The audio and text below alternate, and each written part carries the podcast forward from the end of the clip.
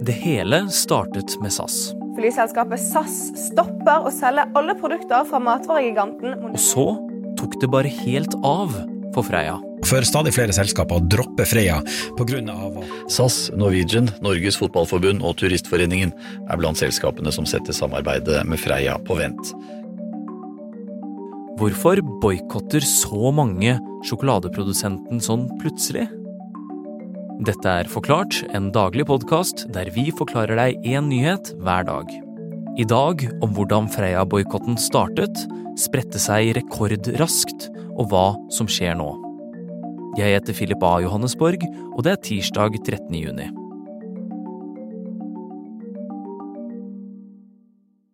Anne Sofie Bergwall, økonomijournalist her i Aftenposten. Hvordan startet boikotten mot Freia egentlig? Boikotten av Freia i Norge begynte egentlig med et intervju med den svenske forskeren eh, som heter Juliana Gottlieb, eh, og hun oppfordret til å boikotte det svenske selskapet eh, og sjokoladeprodusenten Marabou, som da eies av samme selskap som eier Freia, som heter Mondelez. Og etter det så begynte det å skje ting i Norge. SAS var første selskap ut til å eh, boikotte Freia eh, i torsdag, torsdag, i forrige uke, og derfra så bare ballet det på seg. Og plutselig var massevis av Freia-produkter ute av varmen hos flere store selskaper.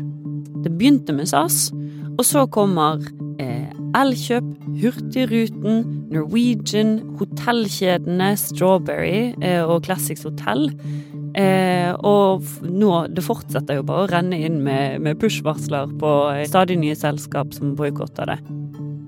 Og til og med Coop har sagt at de ønsker et møte med næringsministeren om sjokoladeprodusenten. Men enn så lenge så har ikke de eller noen andre dagligvarekjeder sluttet å selge Freia-produkter. Det var kanskje ekstra trist at Eh, den norske turistforeningen eh, vendte ryggen til Kvikk Lunsj, som jo har vært den sjokoladen som har blitt selve symbolet på tur her i, i Norge. Eh, og det er nok ikke snakk om så veldig mye penger, men symbolsk så gjør nok den litt vondt.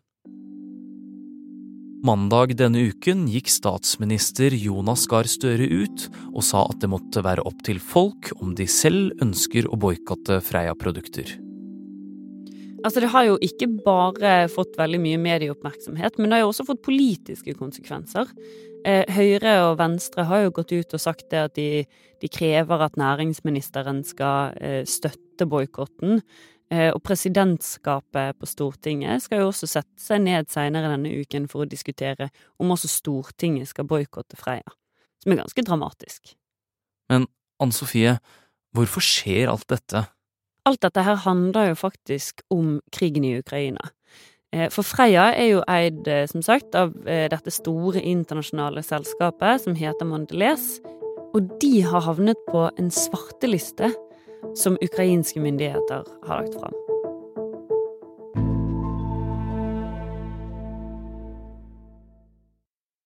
Selv om både melkesjokolade og Kvikk Lunsj føles som det norskeste i hele verden, så har de faktisk ikke vært norskeid på 40 år. For da ble produsenten Freia kjøpt opp av Craft Foods, og i 2012 endret selskapet navn til Mondelez International. Mondelez er jo egentlig et amerikansk multinasjonalt selskap som produserer annet snacks. Eh, de selger sjokolade eh, og godteri over hele verden. Eh, de eier merkevarer som Ritz, Toblerone, Oreo og Boy, Philadelphia-ost Ja, en hel haug med både mat og godteri fra hele verden som blir produsert av Mondelez, deriblant også Freia. Og hva er det som skaper problemer nå, da? Det er ikke egentlig et nytt problem, men i slutten av mai så satte Ukrainas antikorrupsjonsmyndighet opp en svarteliste over selskap som, som de mener det at bidrar til inntekter til den russiske statskassen, og ett av de selskapene er Mondelez. På den samme listen står mange andre selskaper med ganske kjente produkter, som blant annet eh, tannbørstene fra Oral-B, barbermaskinene til Brown og barberhøvlene til Gillette. Alt dette henger sammen med sanksjonene mot Russland pga. krigen i Ukraina. For denne svartelisten kommer i tillegg til alle selskapene som allerede har trukket seg ut av Russland pga. denne krigen, som McDonald's, Carlsberg, Apple, Tinder, ja, ganske mange. Europeiske land har jo innført en rekke sanksjoner mot Russland. Det gjorde de idet krigen begynte. Eh, og det betyr at vi f.eks. ikke har lov, altså juridisk, det er ikke lov til å drive med handel med en rekke varer og tjenester innenfor f.eks. Eh, transport og energi og en hel del andre sektorer. Men det at Mondelez fortsatt er i Russland, er ikke ulovlig. Her handler det mest om omdømme. Og da kan man f.eks. havne på en svarteliste, og så er det opp til andre eh, forbrukere og institusjoner å bestemme seg for om de har lyst til å velge å ikke kjøpe produkter fra dette selskapet, som da er en boikott, ikke sanksjoner. Eh, og fordi et sånn type selskap ikke har lyst til å bli boikottet, eh, så har mange selskap, som eh, Ikea, Hennes Maurits og andre vestlige, eh, har allerede trukket seg ut av Russland. Selskapet som eier Freia, har fortsatt fabrikker og ansatte i Russland. De selger produktene sine i Russland og betaler skatt til myndighetene der. Grunnen til at Mondelez fortsatt er i Russland, det handler nok enkelt og greit om penger. Eh, Mondelez omtales av eh, Kyiv School of Economics som markedsledende innen kjeks og sjokolade i Russland, eh, og de er ifølge Forbes den 47. Eh, største internasjonale selskapet i Russland. Det er ganske stort i et, i et så stort land som Russland. Mondelez har tre fabrikker med rundt 3000 ansatte i Russland, og til sammen gir de Mondelez en omsetning på omtrent 13,5 milliarder kroner i året. Og det er penger som de betaler skatt av, og det er her problemet ligger, ifølge ukrainske myndigheter. Det nevnte Kyiv School of Economics anslår at Mondelez betalte 1,9 milliarder kroner i skatt i fjor. Og ukrainske myndigheter påpeker at dette er 1,9 milliarder kroner inn i den russiske statskassen. Det er den statskassen som brukes til å gå til krig mot Ukraina. Men Mondelez de anerkjenner liksom at virksomheten i Russland kan gi et dårlig rykte. Eh, så de har jo sluttet å kjøpe reklame eh, eh, og gjøre nye investeringer i Russland. Men de vil ikke slutte å selge produktene sine, og grunnen til det er fordi at de, de mener det at de da sant, de bidrar til å produsere mat til russerne, og sørge for at russerne har tilgang på mat, som er en grunnleggende rettighet, da. Men vet vi noe om hva resten av verden gjør? Altså Mondelez er jo et stort selskap med mange forskjellige produkter som hele verden har et forhold til. Ja, altså, eh, som nevnt så startet jo den debatten i Norge med den debatten som har vært i Sverige. Så der har det jo vært en stor diskusjon om hvordan de skal forholde seg til, til Marabou, som er eid av Mondelez. Og denne listen har jo også fått ganske stor internasjonal oppmerksomhet. Mondelez-sjefen i Norge sier til NRK at han er svært opprørt over boikottdebatten, at det er en komplisert problemstilling, og at det er mange merkevarer som fortsatt er til stede i Russland, og han mener at debatten skal være like streng mot alle. Selv om Mondelez opererer i Russland, så betyr ikke det at Freia-produkter er i Russland.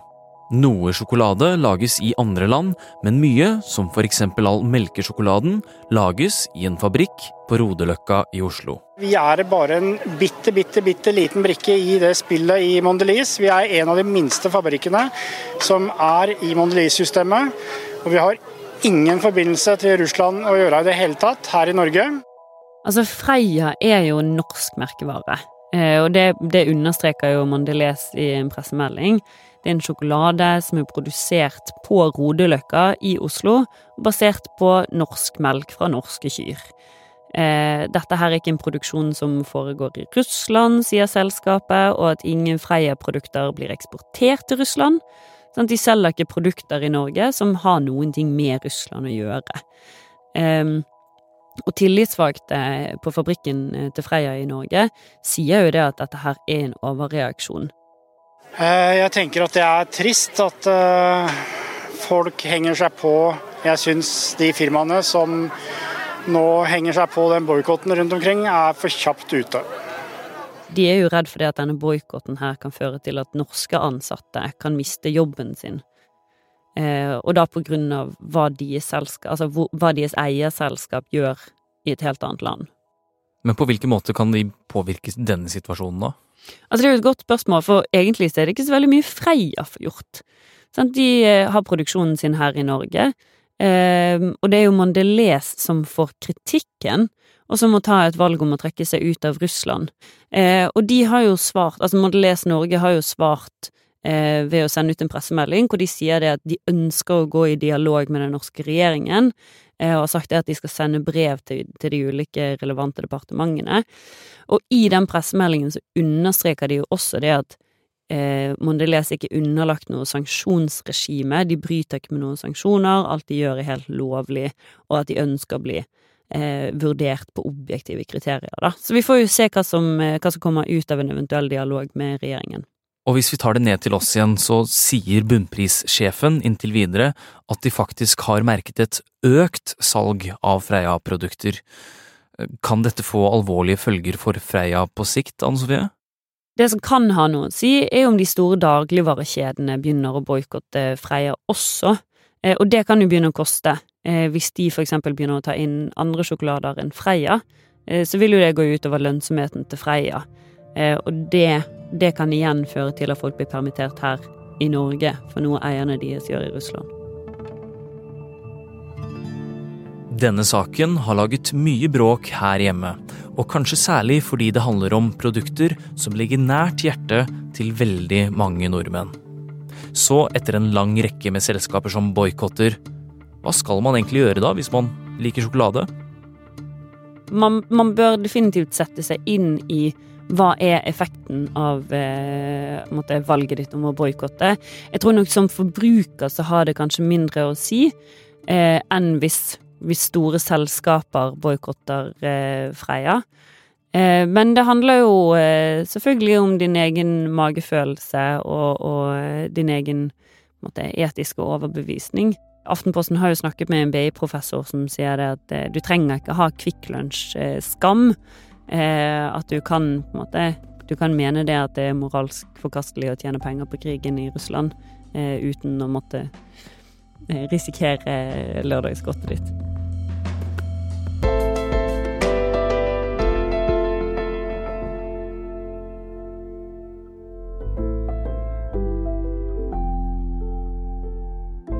Du har hørt en podkast fra Aftenposten, og det var Anne Sofie Bergwall som forklarte deg Freia-boikotten. Lyden du har hørt er hentet fra TV 2, NRK, Dagbladet TV og VGTV.